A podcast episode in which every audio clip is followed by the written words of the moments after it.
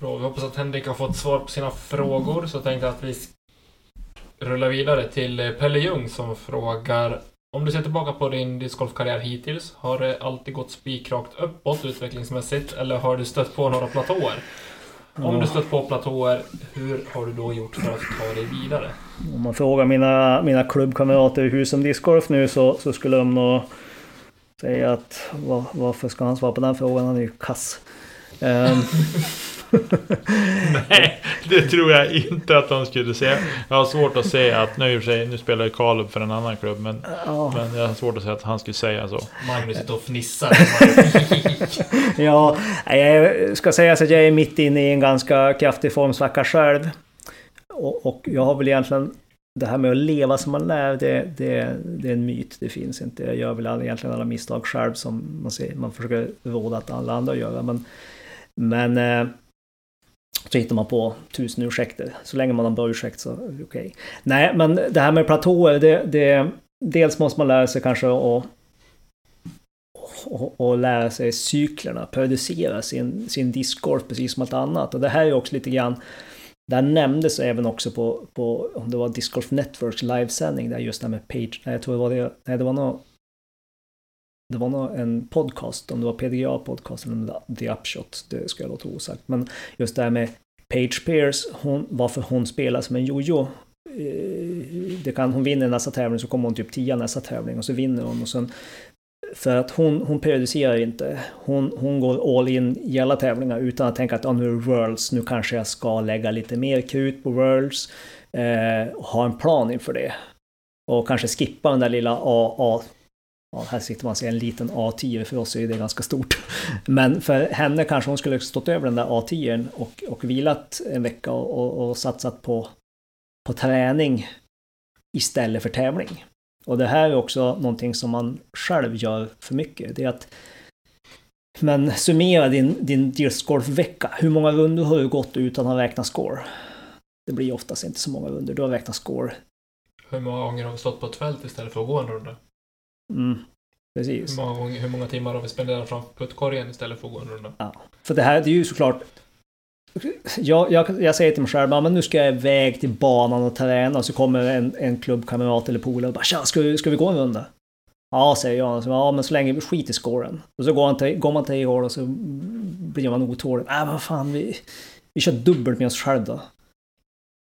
Ja, okej okay då. Så står man där och spelar safe för att man, man vill ha sin birdie. Jag vet när jag spelar på min hemmabana Husum. Jag vet exakt vilken disk jag ska ha på det hålet. Jag vet exakt vilket kast jag ska göra. Och skulle det någon gång gå lite snett så på hemmabanan, det är klart jag har ju legat snett på alla ställen på hela banan. Jag vet ju precis vad jag ska göra när jag kommer lite snett i ruffen. Det är ingen träning. Det är... Jag spelar ju safe, jag vill ha min birdie. Eller här vet jag att här är det tufft, ja men jag lägger upp, jag vet exakt var landningszonen är. Där ligger jag och sen kör jag det. Jag testar inte nya linjer, jag tränade definitivt inte på nya linjer. Ehm, och sen, sen kom man därifrån och så muttrar man till bara jävla skit. Det här. Och det här kommer mina kamrater att känna igen. Alltså, jag lägger ner den här dyngan, det går så dåligt. Finns det fler i den här podden som har sagt? Eh, ja, nu förstår jag inte vad du menar. Nu det, tycker jag känns som ett svammel. Och det, det, det, det blir lätt så här liksom att man, man, man tror att man ska kunna spela sig ur en dålig form. Eh, och till viss del kanske det funkar på något så här magiskt sätt att självklart kommer formen att vända. Men kommer den att vända så fort som du vill. Eller på det sätt som du vill eller när du vill. Mest troligt inte för du, du har ingen aning liksom varför. Det här, vi kommer återkomma till varför saker och ting blir som det blir. Ja, men om jag tar min elitsatsning på styrkelyft Ja men alltså inför ett stort mästerskap, ett SM eller ett EM eller VM. Alltså det är tre, fyra månader dedikerat. Som man lägger ner till, att, till en tävling. Mm. Och då tänker man OS. Du ska pricka formen en gång vart fjärde år. Jag blir lika imponerad varje gång de som vinner OS-guld. Mm. För jag vet själv om jag, jag... Jag håller på med... Jag tog mitt första SM-guld 98. Ja, millennials. 98, det fanns en tid före 2000-talet också. eh, nej men skämt åsido, jag var 17, 17 bast när jag tog mitt, mitt första SM-guld. Eh, och jag tog mitt sista SM-medalj, tragiskt nog ett silver, 20, 2018. Så jag har ju hållit, i, jag har ju hållit på absoluta toppnivån i 20 år. Eh, men där, där vet man liksom att och jag, under de här 20 åren jag har tävlat hundratals tävlingar inom kampsporten, inom styrkesporterna. Jag kan räkna på en hand de antal tävlingar där jag har prickat formen 100 procent. Man har varit odödlig. Alla, har, alla känner ni säkert igen också när ni har gått på banan. Jag sätter varenda putt idag. Ni behöver inte ens, Ni kommer fram till korgen, bara en 12 meters putt, sitter, pang sitter klockan. Jag satte min form igår, det gör jag nu och, kan jag och, och, och, så kommer det till det här tunnelhålet, en sån här typ, eh, vad är det, hål 7 på ängarna eller vad det är. Ja. Och när ni har den här dagen, den där gluggen, det ser ut som det är motorvägen. Ni bara, jag kan ta vilken disk som helst, jag kommer parkera den här korgen. Vissa dagar har man det där och vissa dagar har man inte det där. Grejen är att jag ska ha det där när det är tävling. Mm. Så kommer man dit och skakar och typ tappar disken 10 meter framför sig i första bästa trädet, kickar 50 meter ur skogen. Jaha, ja, får se till att rädda en dubbelbogey då. Det, det, det händer. Men det, när, man, när man ska jobba free platåer, det är återigen, du måste ha en plan med det du gör. Mm. Eh, och det är inte, inte gå ut på banan och spela score. Nej. Utan det är som vi sa där, okej, okay, analysera ditt spel för det är också den här grejen. Du tycker att det går dåligt, du tycker att du har nått en platå. Vart ligger platån? Tycker du att du har fastnat score mest? Mest troligt är det för att du tycker att du har för dålig score. Och det är ett sätt att mäta det. Ja, men jag, jag brukar snitta minus 5, nu, nu går jag minus 2, minus 1, minus 2. Vad är det fel? Det är fortfarande en okej okay score, men det, det, är under vad du tycker att du borde ha. Men vad sitter i?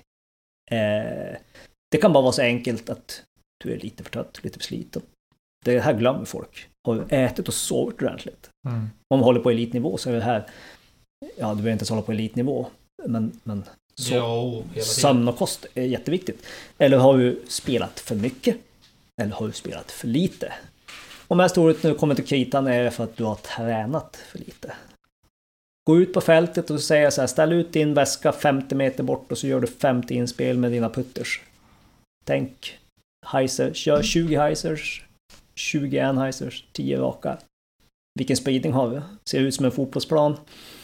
Mm, då vet du att du har lite jobb att göra. Ser okej okay ut? Ja, då är det något annat. Det mentalt, och nu kommer vi in på svåra saker, det är just det här mentala spelet. För det är det som jag sa, liksom, du kan komma fram till en fem meters putt och skaka som ett asplöv för att du vet att jag kommer missa den här. Men vad är, vad är då som gör att du, du har den mentaliteten? Mest mm. troligt har du kanske puttat för lite. Du kanske har puttat i idiotiska förhållanden. Ja, men vi måste träna att putta. Ja, men det blåser 20 sekundmeter ute nu. Ska vi verkligen gå ut och putta? Ja, jag ska ut och putta. Så kommer vi in och fly förbannat för du satte inte en enda putt. Nej, men det är för att du puttade 100 puttar i 20 meter sekund med motvind. Någonstans måste du såklart träna på de förhållandena. Jag blir lite irriterad när proffsen står, står och gnäller på, på vinden. Eh, ja, det blåser storm här ute och så säger de att det blåser 40 miles per hour. Så kollar man upp, det var 40 miles per hour så är det liksom 15 sekundmeter. De var välkommen till huset en vanlig dag. Där kom den! Yes! Nej, skämt åsido. Husum har ett oförtjänt rykte om att det ska blåsa storm. Men jag vet att hål 19, NDT 2019, fantastiskt. Där snackar vi 40 sekundmeter. Då blåste det storm, där var det vindtunnel. Då kan De jag... flippar till och med A2 över för 4 ja. meter. Då kan jag förstå att folk står och tar sina 30 sekunder på 3 meter. Men var det, då man, det var då man kom fram till korgen och det liksom var pling, pling, pling, pling. Man bara, vad är det som låter? Och så bara... Ah, det, blå, det blåser där borta rätt mycket där korgen står. Men liksom man var inte, man var inte framme vid korgen. Så bara, ja, men gör mitt inspel här. Så när man liksom kastade så man fem meter kvar till korgen. Då var det som att disken sådär, nej men nu tänkte jag fortsätta flyga en bit till. Och lite ja. snett. Du kände det magiska att du kände lite grann när du kom upp, fram i öppningen att det blåste lite grann. Men det var inte först du kom du fram till korg. Du kände att här blåser det storm. Ja. Eh, så visst, nej, men man måste också ge sig själv rätt förutsättningar. Man måste vara ärlig med sig själv. För att du kan tycka att ja, men det här var skit. Jag, jag kan ju gå en, en runda när det blåser mycket i huset också. Det gör man såklart. Mm. Men du kan inte liksom vara för hård med dig själv heller och säga att ja, jag är helt värdelös, jag gick plus ett idag. Ja, jo, men det blåste storm och det regnade ute också. Mm. Eh, men som sagt var, du måste ha kännedom om, om ditt spel och det får man inte jättemycket om man går ute på banan och spelar score för då kommer per automatik undermedvetet spela safe Ja. för score. Du kommer att göra det, det du vet att du borde göra. Det har vi varit inne på tidigare också. Det här med... Med liksom vad- att vara lite schysstare med sig själv. Mm. Det vet vi vi har pratat om tidigare på podden. Liksom, att man måste hitta sin nivå och sin nivå för dagen. Men var är jag idag? Någonstans. Att, ja, men jag kanske inte ska gå för den här birdien. Eh, utan jag lägger upp. Mm. För att jag är inte där idag. Helt enkelt. Och så Nej. tar man, så liksom får man ta sitt par och gå vidare. Och någonstans vara tacksam för att man var smart nog att och liksom vara nöjd med att jag, tog par, jag tog paret. Men så är, så är det. Jag, jag brukar säga så att har du en death putt och du känner att jag har inte idag. Men gå inte för det. För en del säger att ja, men det är klart man ska alltid gå för en death putt på träning för att det är träning. Jag måste träna på mindsetet.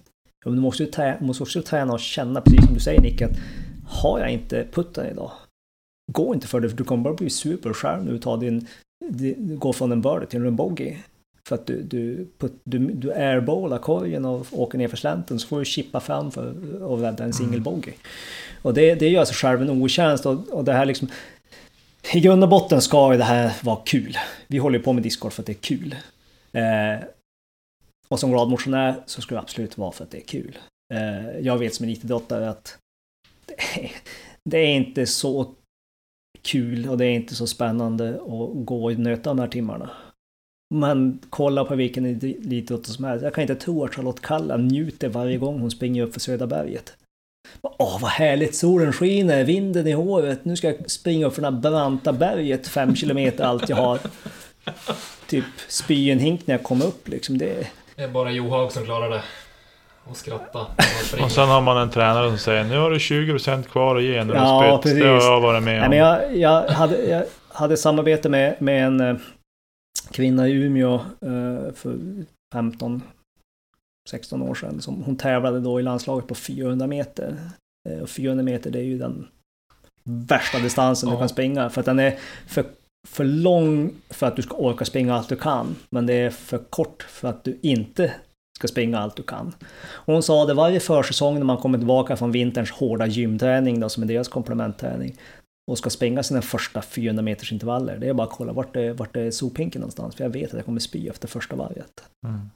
Ehm, och då är, då, då, men det vet man också. Man vet att det kommer komma soligare dagar och det är roligt.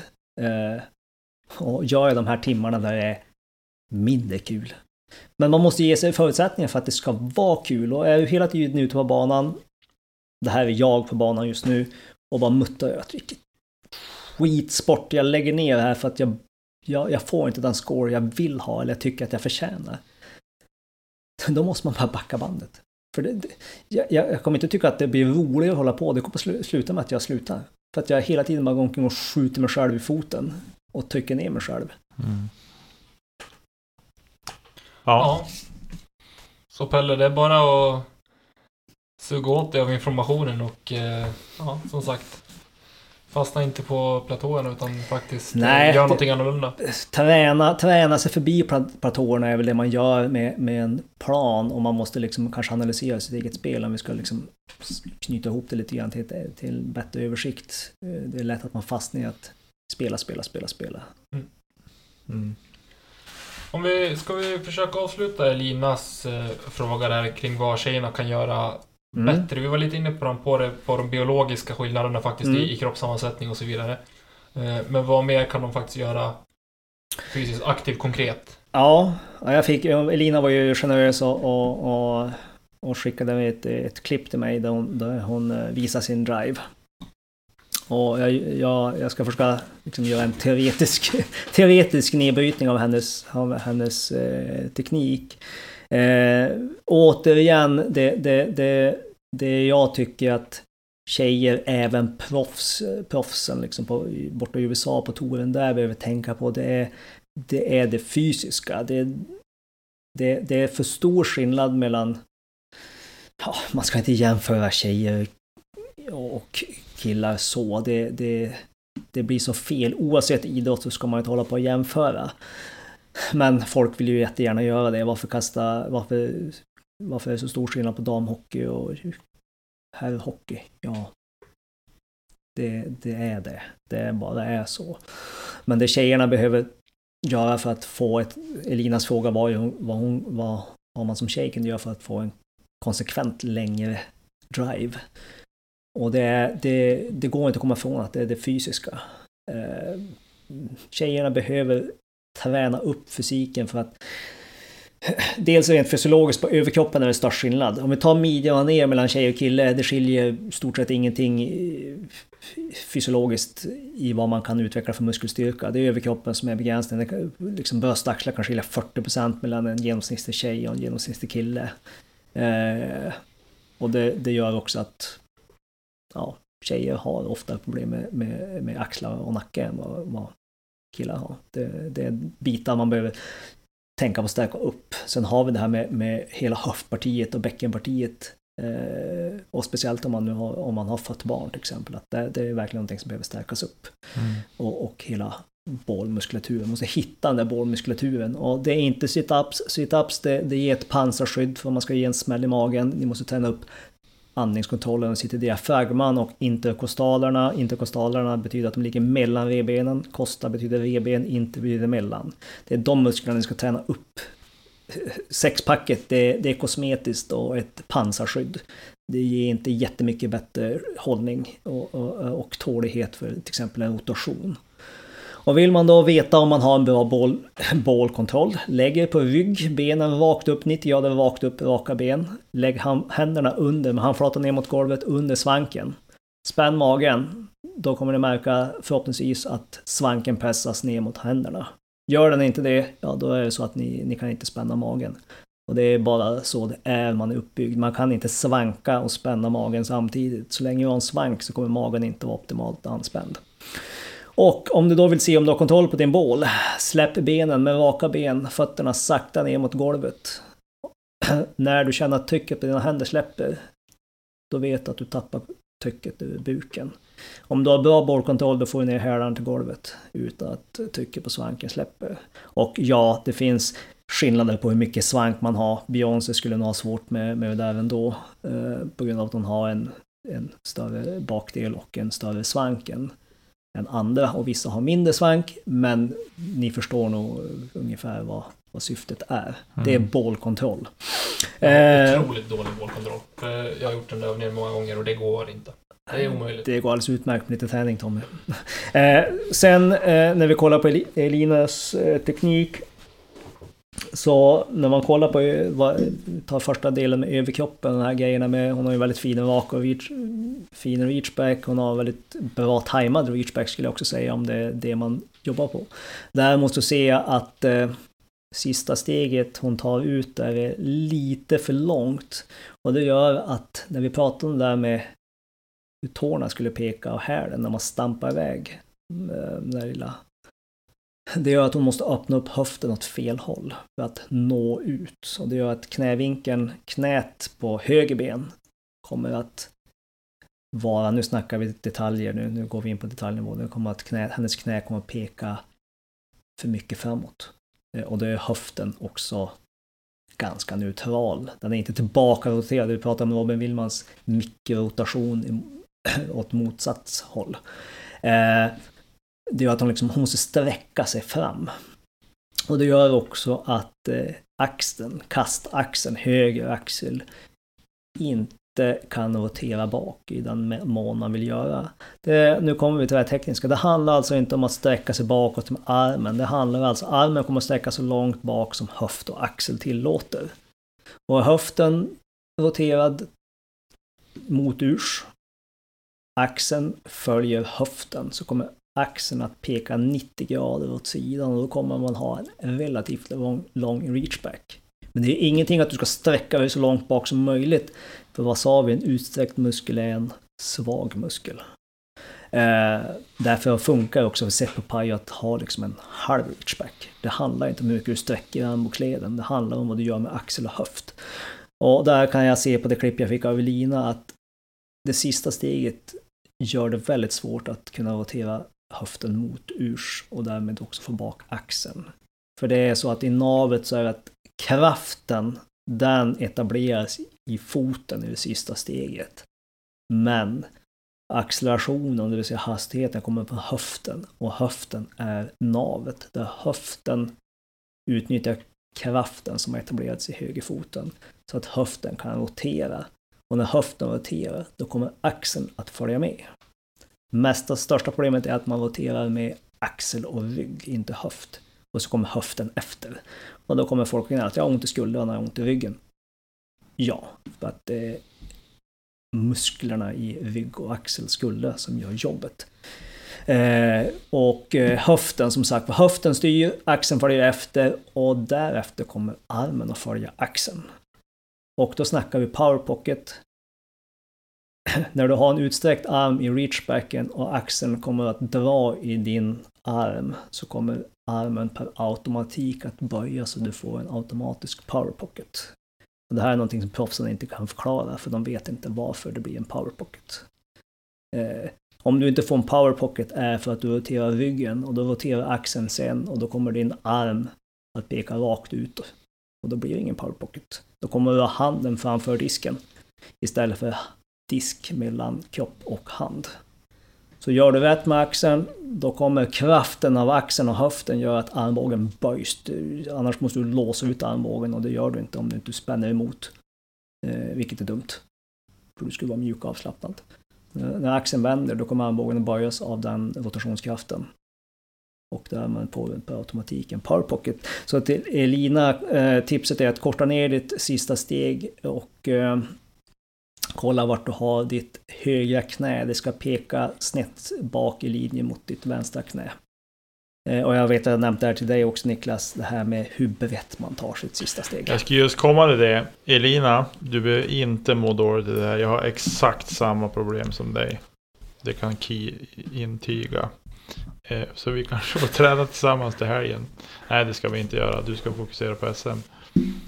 Eh, Men med det sagt så, så det låter ju som att, man, att, man, att jag sågar Elina. Det gör jag verkligen inte. Hon har en väldigt fin teknik. Men, men när jag kollar på saker så blir det ju på en detalj. Det blir på en annan nivå. Det fick jag också erfara den hårda vägen när Ki totalsågade mig och jag satt och grät och skickade glada smileys för att dölja min sorg. Jaha, tack för hjälpen. Ja. Men det, det, blir lite grann så här när jag kollar på saker, det här är ju egentligen ren biomekanik. Alltså biomekanik är ju, är ju om vi ska förenkla lite grann, kroppens sammansättning i förhållande till vilka häv, hävarmar och, och muskelfästen och sådana saker du har. Mm. Eh, och det här gäller ju alla sporter. Oavsett, du kan skylla på att ja men han har ju långa armar eller han har långa ben och han är två meter och han är 1,50. Ja, helt klart så påverkar din, din genetik och din kroppssammansättning. Det är bara att titta på mig, jag är 1,62, jag kommer aldrig bli basketproffs. Jag får ju hoppa hur mycket jag vill, jag kommer inte nå halvvägs upp till korgen i alla fall.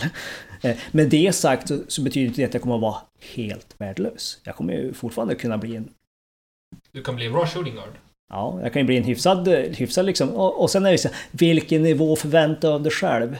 Jag kollar på mig i styrkelyftandet. Eh, jag har gjort min beskärda del med magnetröntgen så jag vet vart mina muskelfästen sitter. Jag vet hur långa mina hävarmar är. Jag har en ganska optimerad fysik eh, för att bli stark. Eh, om vi ska gå in på detaljnivå här så får man ta lite perspektiv. Alltså jag, när jag tävlade så vägde jag eh, kring 51 kilo när jag började tävla och på slutet så vägde jag kring 55. Och nu när jag gjorde comeback på senare år så väger jag kring 58. På 1,62 och mitt personbästa i, i bänkpress är 170 och marklyft är 250. Och då ligger vi, ska man veta att världsrekordet i min viktklass är 270 i marklyft, så jag tillhör ju absolut den absoluta världseliten. Om man ska skryta så, nu låter jag väldigt skrytsamt, men det betyder också att jag har ju den genetiska biten också på plats. Mina muskelfästen sitter på rätt plats. Mm. Eh, sen har jag ju förstås lagt ner hiskliga timmar för att, för att få ut den kapaciteten i kroppen. Det är inte så liksom att ja, men titta på hans genetik. Första gången jag tittade på en skivstång, jag orkade knappt 40 kilo. Eh, tänk på Magnus Samuelsson, första gången han testade bänkpress tog han 100 kilo. Han tog alltså mer än dubbelt så mycket mot, som mig. Han var ju 15 och jag var ju 14 när jag testade mm. första gången. Liksom. Men, men eh, det är klart, men du, den där ursäkten räcker bara till en viss gräns. Att du kan, ja men, han kastar ju långt bara för att han, han har långa armar. Mhm. Betyder det att du inte kommer kunna kasta långt? Och, och återigen, relativt sett, vem jämför du dig med? När jag frågar dig, vad tycker du ett långt... Om jag frågar dig Nicke, vad, vad, tycker du är en bra kast i längd enligt dig? Om du bara tittar... Bryr dig inte om något annat. Om jag frågar dig så här, vad, vad, är, vad är en bra kastlängd för dig? 110 och längre. 110 och längre. Ja, Tommy då? För mig? Ja, ja men vad är en bra kastlängd för dig? 140. Ja, och det är liksom 110 och längre eller 140. Ja, men vi kan ju jämföra liksom med, ja, men, med de som kastar längst. De som kastar liksom... Ja, man tar Lisotte och Eagle som kastar 180 meter egentligen vilken dag som helst, även om de har en liten halvkastdag. Och då, då tänker jag, ja men 40, Tommy Bäcker du är 140 meter. Tänker folk så 40 meter, det är inte så mycket. Säg åt Usain Bolt att springa en sekund snabbare på 100 meter. Det är lättare att bestiga Mount Everest i rullstol. ja, alltså det, det blir... Det, det blir, fusk. den procentuella ökningen för att nå dit, det blir så gigantiskt. Mm. Och det tänker man inte på. Men till exempel första gången ni höll i en, en disk och testade att kasta kom ni 40 meter. Nej. Nej 17,3. Ja, det var ju samma för mig. Jag kom, jag kom inte 20 meter. Liksom. Det, det var liksom att öva. Och så tog, såg man polaren bara dämma iväg den 100 meter. Man bara, det där kommer aldrig att gå. Men det är som farsan, ge mig disken ska kasta den över stängslet där borta så är det 110 meter. Jag bara, pappa, du kommer inte ens komma halvvägs. Ja. Du kommer komma lika högt som du kommer långt. Ja. Så att, Sagt och gjort, helt riktigt. Man kastar högre än man gjorde långt. Men det är, det är ju sådär, när man börjar där någonstans, då måste man också gå tillbaka. Vart var jag någonstans när jag började? Mm. Och vart är jag någonstans idag? Som vi sa, kastar man, kastar man 20 meter första gången man höll i en disk? Nej, det gjorde man kanske inte. Och fick man på ett bra träff kanske 30 meter. Mm. Du var ju inte ett dugg konsekvent. Var ju liksom, du kunde ju sikta på en fotbollsplan och missa var ju liksom den nivån. Men idag liksom, ja men 140-110 meter. Ja, räkna procentuella ökningen på det liksom. Att du kastar 20 meter eller kasta 100 meter. Det är 500 procent. Eh, och då tänkte jag så här, ja men jag vill ha ut 10 meter till. Ja. Du har alltså ökat 500 procent och du vill fortfarande, säger vi då, öka 20 procent till, till 120 meter. Då får du tänka så här att ja, första året, det går ganska fort. Du har en väldigt bra utveckling första året. Mm. Och det gäller all träning. Styrketräning, du kan gå upp 4-5 kilo muskler på första året. Du behöver bara titta på en skivstång. Allt, liksom, allt du gör kommer ju göra att du blir bättre. Men när du kommer till den där första breton, vad gör jag nu? Det, och det är som jag säger, till slut kommer du till nivå och nu tog jag Usain Bolt bara för att det ska bli så absurt. Men vi når ju vår fysiska vad ska jag, det är fel att säga gräns för jag tycker man skjuter ju på den där, man, man skjuter på den där gränsen. Mm. Men någonstans kommer du att nå en gräns där mängden arbete som krävs för att komma längre börjar ta över i förhållande till vad resultatet ger. Mm. Och det är likadant för mig. Folk säger, tittar mig bara, hur mycket starkare du blev de sista tio åren? ja, i bästa fall så har jag väl gått plus minus noll. Mm. Alltså när jag var 20, 23, 24 drog jag 220 i mark. Och när jag var 30 drog jag 250. Och sen dess, jag fyller 40 år. Jag har inte dragit över 220 sen dess. Mm. Det, det, det, och visst, det är ingenting som säger att jag inte skulle kunna nå dit upp. Men jag vet också för varje år som jag blir äldre, desto större kommer den arbetsinsatsen insatsen att bli. Mm. Och det är också det man måste tänka på. Så återigen liksom, vill du kasta längre, du måste också vara beredd att hänge dig till den arbetsinsats som krävs för det. Och det, mm. då är vi tillbaka till det här med, med komplementerande träning och, och så vidare. Ja. Snyggt. Vi hoppas att Elina har fått svar på sin fråga och att hon kan göra någonting åt det och kanske kasta lite längre småningom. Ja, Sen får man självklart... Jag... Ja, jag vet att säkert en del blir provocerade av det jag säger och en del kanske vill ha följdfrågor. Så får man självklart eh, ta kontakt. Ha, håll det på en sansad nivå för tusan. Jag vill inte höra något av Ki att han har fått massa skit och släng. Annars har hans telefonnummer. Det kan få. Hör av er till Tom om telefonnummer. Eh, ska vi studsa vidare eller var det någon fler lyssnarfrågor? Nej. Då hoppar vi vidare. Du har fått lite hatkommentarer Niklas. Ja, alltså jag... det har varit helt sinnessjukt där. Lyssnarstormen sen förra veckans avsnitt vet inga gränser. Eh, nej, men det är så självklart när man får höra det av någon annan. Det vill säga man får en trynstöt av någon. Jag ska inte nämna han vid namn. Men OB-linjer, de är helt vertikala. Alltid. Så det vi pratade om förra veckan, om en disk ligger på en gren som hänger ut över vattnet. Disken är torr, men den är ju... Den är förbi OB-linjen, så den är OB. Inget snack om saken. Kommer ihåg att vi pratade om det med Oskar. Ja, jag kommer ihåg det. Ja, precis. Men du sa inte emot mig då? Nej. Nej. Jag förstår så- hur jag tänker, men jag förstår också hur man kan missa det. Jo, men det är liksom OB-linjen är vertikal. Ja, så det är, vara är, är, är vattenlinjen OB så är ju den vertikal. Så det är ju superenkelt. Sen det 30 sekunders regeln. Eh, så ja, vi gick inte igenom varje punkt där den anammas. För att vi inte var så, den kom mer på tal. Så, men av respekt för våra lyssnare så har jag nu varit här att till och med översätta vad som står i regelboken. Men så här säger regelboken i alla fall. Ni får läsa det här själv. Jag har använt Google Translate till hjälp för att det ska gå fort. Men så här säger regelboken om 30 sekundersregeln. En spelare har tagit för mycket tid om det är närvarande och inte kastat inom 30 sekunder efter. Den föregående spelaren har kastat och 3. De har haft en rimlig tid att komma fram till och bestämma sitt läge, alltså att hitta åt sin disk då. Och det är deras tur i kastordningen och att spelområdet är tydligt och utan störningar. Det vill säga, det är ganska många saker som ska falla på plats här innan 30 sekunders regeln ska Ja, så att klockan ska börja sta- ska starta så att säga. Eh, och det, vi pratar inte så mycket om det. Utan vi pratar mer om 30 sekunder. Men jag tycker liksom, när, har man markerat eller att man liksom har, har ställt sig och ska göra sin putt. Då tycker jag någonstans att när du har tagit din stance, att då okej, då är det, då är det som Mm. klart. Eh, men sen fick jag höra en annan grej eh, häromdagen. Om att om du har markerat, till exempel att du går upp eh, och du markerar din, ditt läge och plockar upp den disk du har kastat dit med. Så kan det vara så att då har du gjort dig beredd för att kasta, även om det kanske inte är din tur. Men att du kan bli callad på det. Men det är som sagt en grej, hört på banan har jag kallat det här. Jag ska inte nämna han vid namn. Men i alla fall. Att då fick han att, ja men det där ska du inte göra. För du kan bli callad på att du har gjort din, att du har liksom markerat och gjort det redan för att kasta. Mm. Så.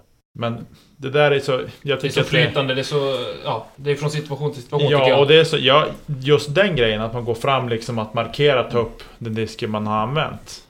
Det ser man ju nästan varje runda. Ja. Det händer ju ofta. Men, eh, men det vet jag har inte hittat något stöd för just det i, i eh, regelboken. Ska tilläggas. Men nu har du gjort rätt för dig, Nicke. Nu har jag försökt förtydliga det här och förlåt att vi var lite slappa men vi är trots allt bara en podcast. Vi är inget regelverk. Det är korrekt. Får man säga så? Ja, det får man. Ja, vad bra. Vi tar och studsar vidare och eh, rundar av det här lite långa avsnittet, men förhoppningsvis eh, informativa avsnittet.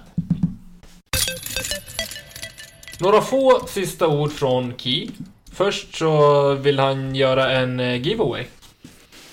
Ja, precis. Eh, Jag tillsammans med Tommy har ju den här stora äran för att vara en del av eh, Prodigy Disc Street Team Sverige.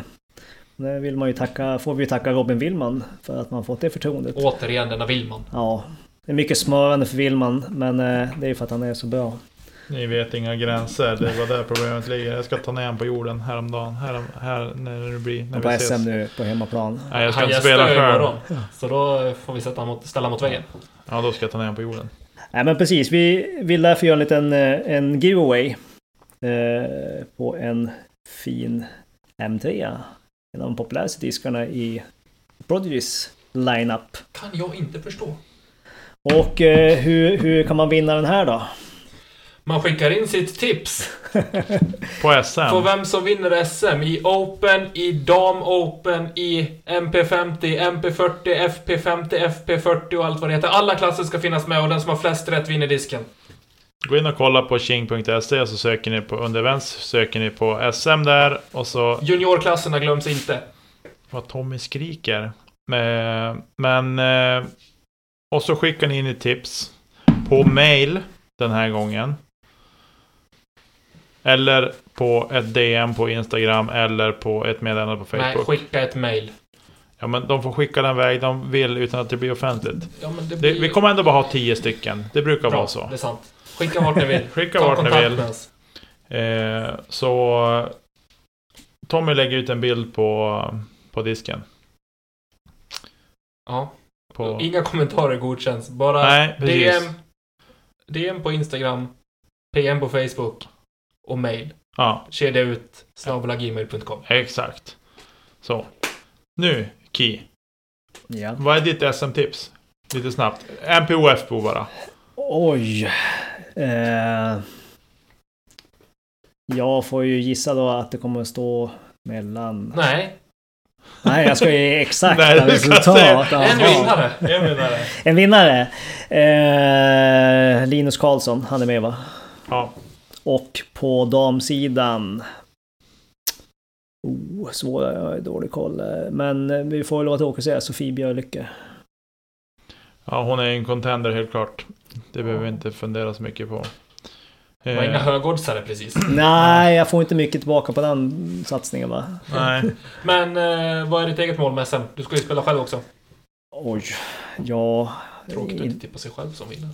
Ja, precis. Men vi, ska, nu ska vi vara lite realistiska med min mäktiga, mitt mä- mäktiga ratinghopp här som kommer imorgon. Eh, men eh, ja, mitt mål är väl att, att eh, inte komma sist.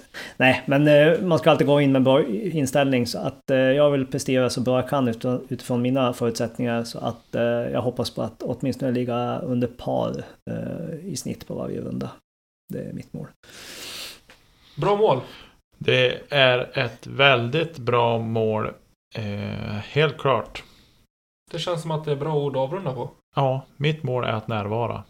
Du kommer närvara Nicke. Grattis, du har uppfyllt ditt mål. Och du är fantastisk. Glöm inte det. Tack för det. Eh, Eh, vi tackar Ki för närvarande och lektionen i fysik och biomekanik och rörelseförmåga och eh, träning och allt. jag blir så sjukt stressad nu på allt man ska hinna med här innan nästa säsong. Ja. Ja, men vi... Har man en vi, plan, eh, som sagt? Vi lovade ju att vi ska utsätta Nicke för den här eh, Ett prank. tuffa, tuffa videokliniken som, som eh, kommer på en YouTube-kanal nära dig i en snar framtid. Uh-oh. Det löser. Tills dess, kasta inte kedja ut. Tack till Marcus Linder för vignetter och jinglar. Tack till alla som lyssnar och stöttar podden via Patreon eller på annat sätt. Ni är fantastiska. Och eh, fortsätt följa oss nu i veckan. Det är SM-vecka och vi... Eh, Vi dunkar på med tre program. Fantastiskt. Det kan bli fyra och fem också. Det vet man aldrig. Det vet man aldrig med oss. Häng med så ses vi på banan. Hej då! Hej då!